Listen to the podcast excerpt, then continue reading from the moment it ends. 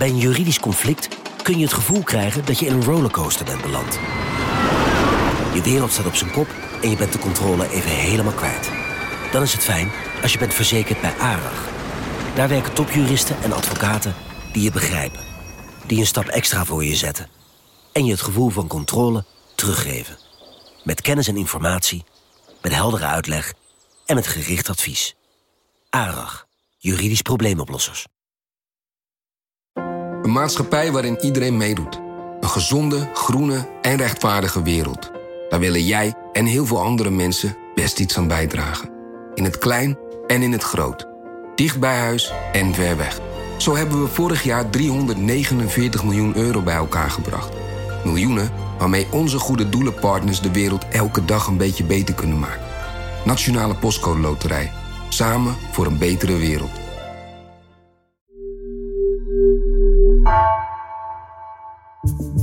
Vanaf de redactie van NRC het verhaal van vandaag. Mijn naam is Gabriella Ader.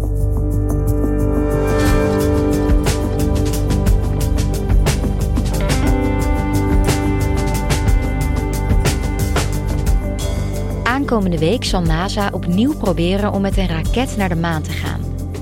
De laatste succesvolle poging was precies een halve eeuw geleden. Redacteur ruimtevaart Bruno van Waaienburg legt uit waarom NASA al zo lang geen geslaagde missie heeft gehad. Gaat het deze keer wel lukken?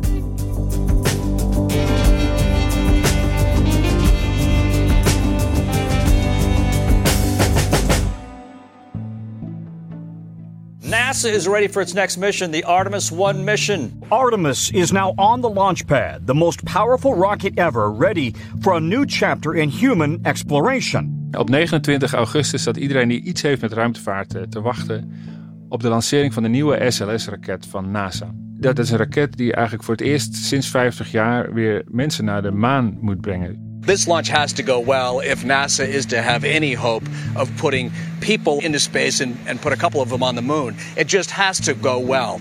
And there's just so much on the line. En uh, de SLS-raket is een, enorm gevaarte van 98 meter hoog. En het staat daar in Kennedy Space Center op het lanceerplatform. Ja, er was enorm veel werk van gemaakt, PR-technisch. Uh, Kamala Harris was erbij, de vicepresident. Ze hadden popsterren uitgenodigd. Er komt altijd, uh, zeker bij een historische raket, komt er veel volk op af. Dus de wegen zitten verstopt en er is dan een, uh, een plek, de causeway, waar je met je auto heen kan. Nou, is dat propvol en je hebt daar zo'n veldje, dat beroemde veldje met die uh, teller. Het staat vol met pers en dergelijke. Dus toen moest het gaan gebeuren. Good morning and welcome to the Artemis 1 tanking show here on NASA TV and our media channel. Nou goed, met zo'n lancering moeten er allemaal dingen uh, het goed doen. Dus je hebt steeds punten dat ze stoppen of dat ze zeggen van uh, zijn alle systemen nog goed? En dan moet uh, de raketmotor goed, is de tank nog goed? zijn de systemen in de capsule nog goed? T-minus 1 hour and 37 minutes and counting.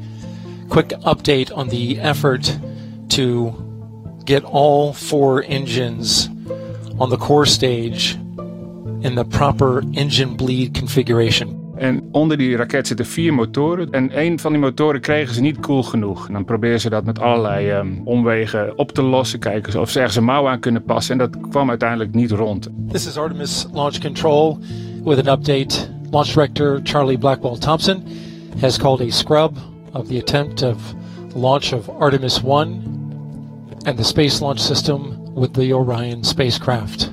En dat heet dan een uh, scrub. Dus uh, dat betekent uitwissen. En dan, uh, ja, dat, toen kon iedereen weer naar huis. Ja, de NASA is tot nu toe dus niet zo heel succesvol gebleken met die nieuwe maanmissie. Al gaan ze volgende week wel een nieuwe poging doen. Ik weet zelf eigenlijk heel weinig over ruimtevaart. Dus zou je mij willen mee terugnemen naar de laatste keer dat het wel lukte? 50 jaar geleden. Hoe zag dat er precies uit? Um, nou, weet je wat? Ik neem je gewoon mee naar de eerste keer. This is Apollo Saturn Launch Control. We passed the six-minute mark in our countdown for Apollo 11, the flight to land of the first men on the moon. Dat was um, 20 juli 1969 en dat is natuurlijk een, een historisch moment geweest. Houston, uh, Tranquility Base here. The Eagle has landed.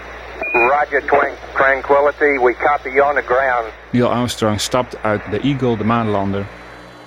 It's one small step for man,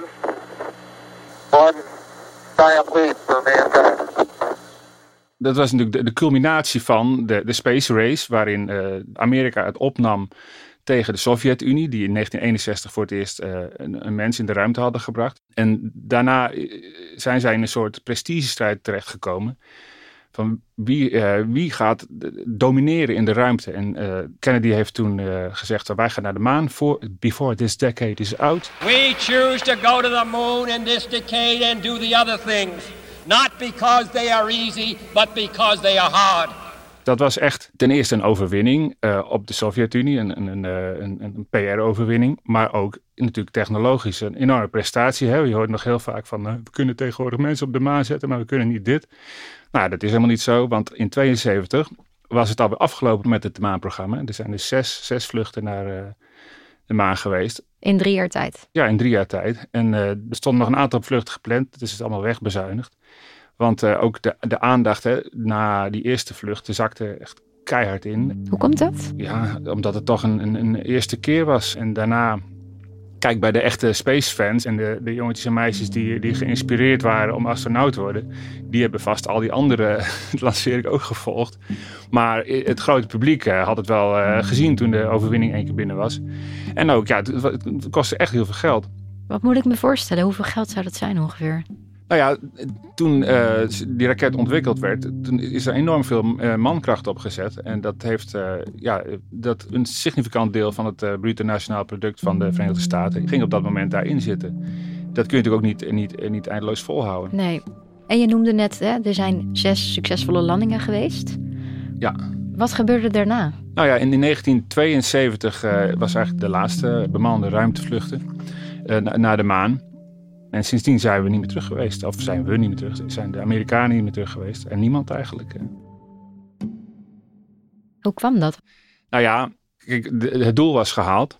En uh, NASA kwam met iets nieuws. Uh, we gaan de ruimtevaart routine maken. We gaan uh, een, een, een, herbruikbaar ruimteschip maken.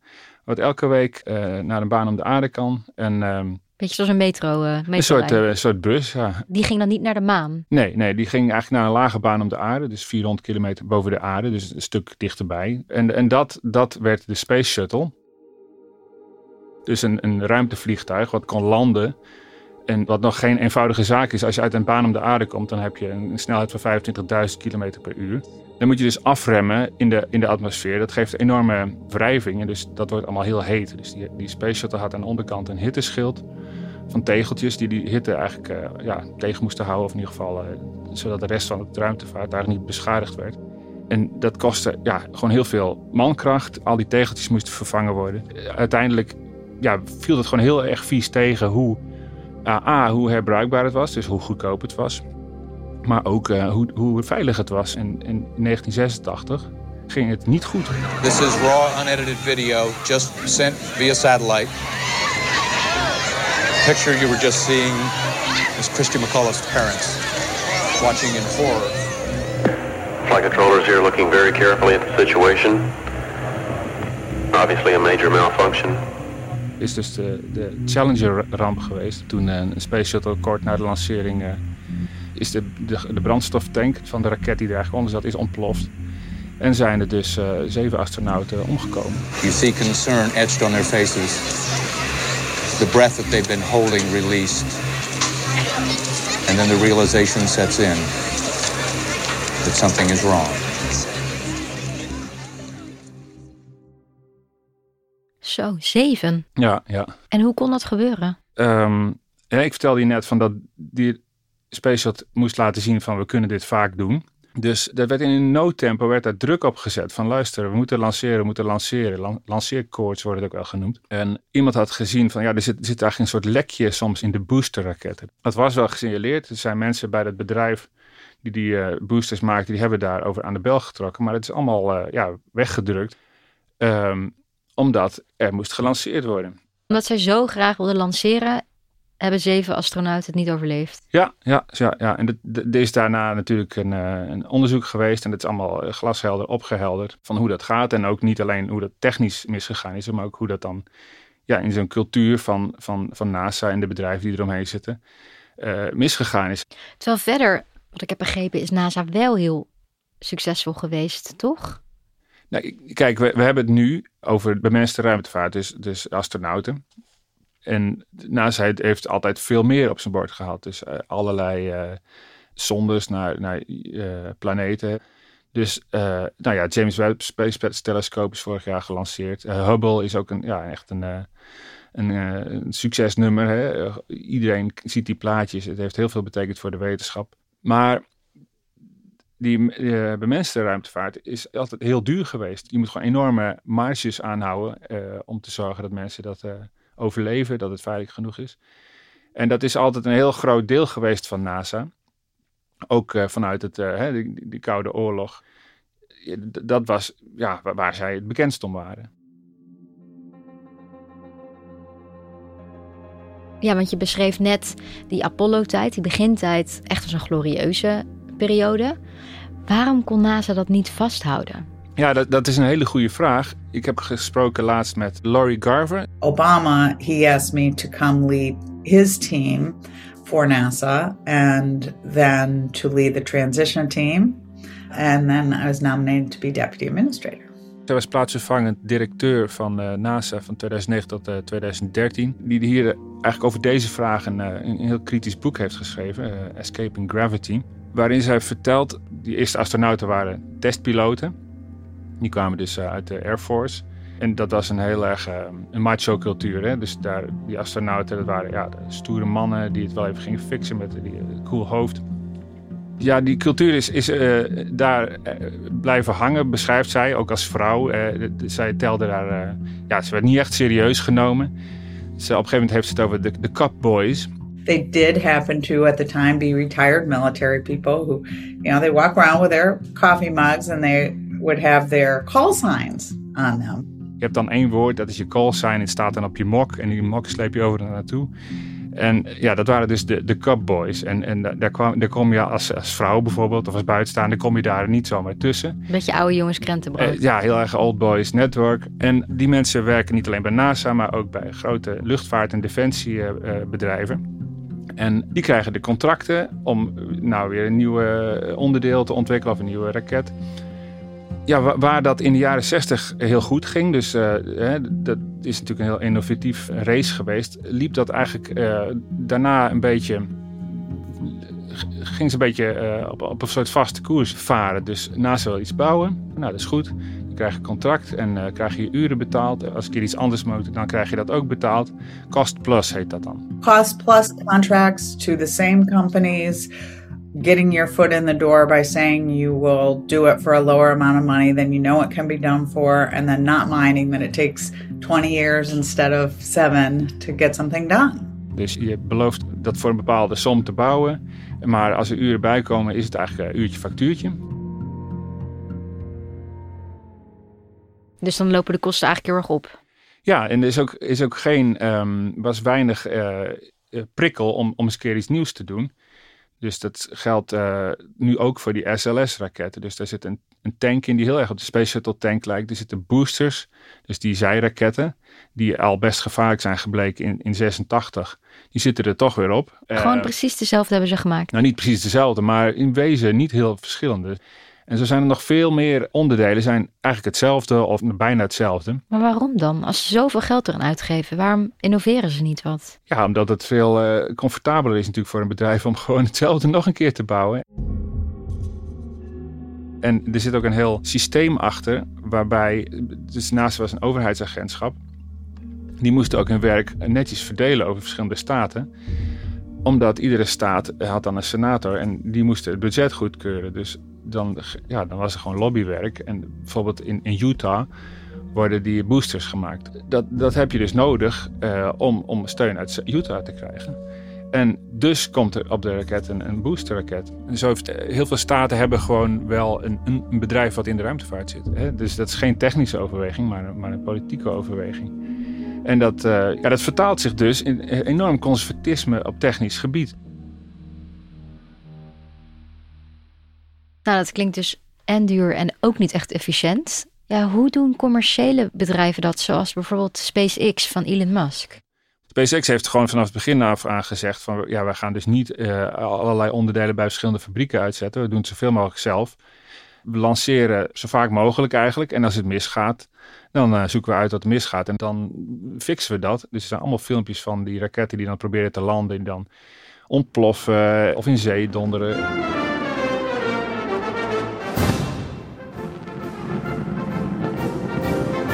Hebben ze allemaal vrolijk uh, naar buiten gebracht in filmpjes. Van ja, we, we, proberen wat en het gaat wel eens mis. En uh, dan de volgende keer gaat het misschien goed. Dat is he helemaal niet zoals NASA doet, want daar moet alles dichtgetimmerd zijn. Want, want zij kunnen zich een, een ontploffing eigenlijk niet veroorloven.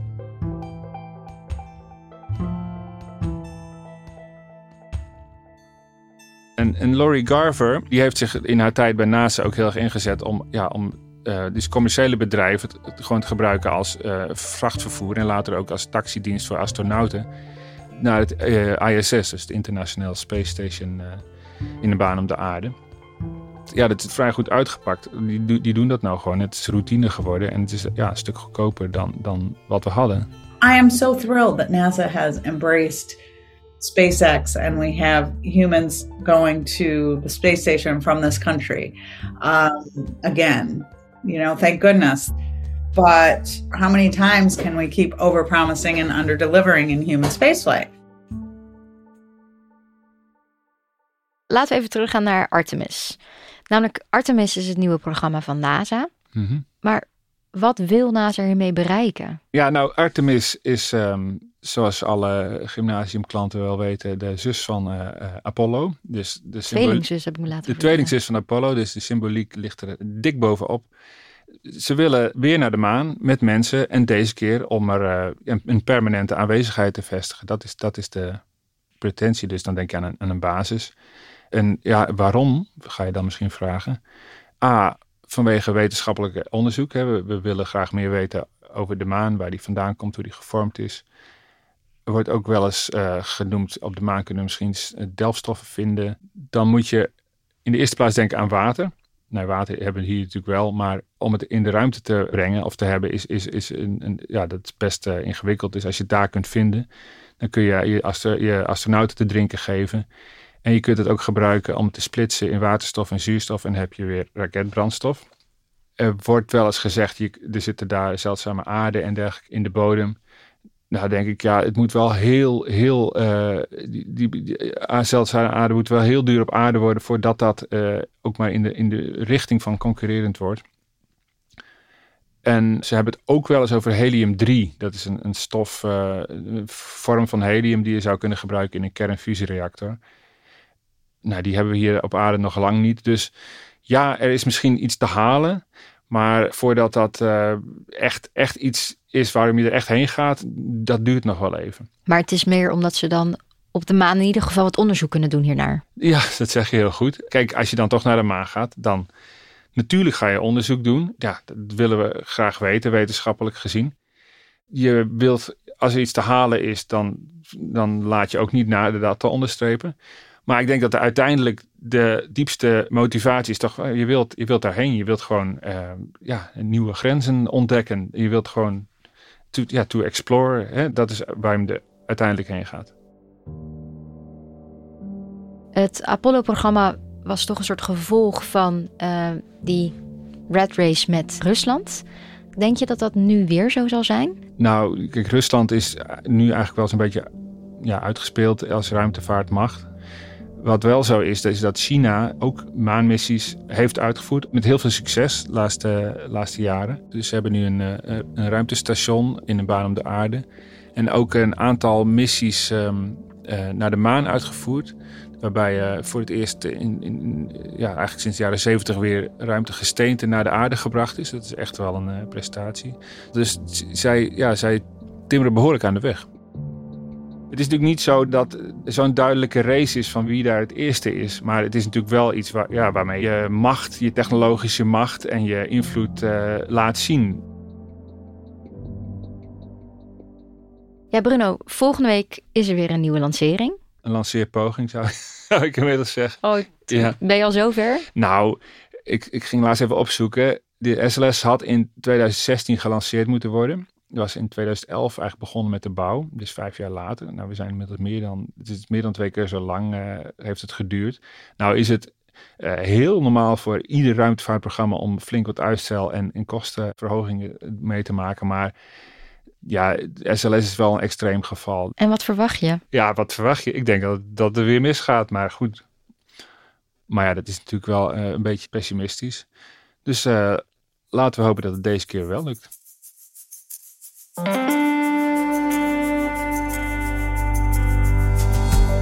luisterde naar vandaag, een podcast van NRC.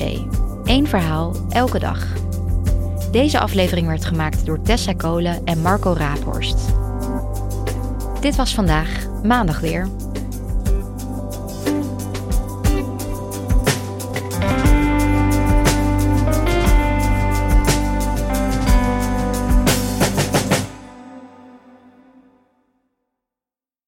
We zijn heel benieuwd wat jij van onze podcasts vindt.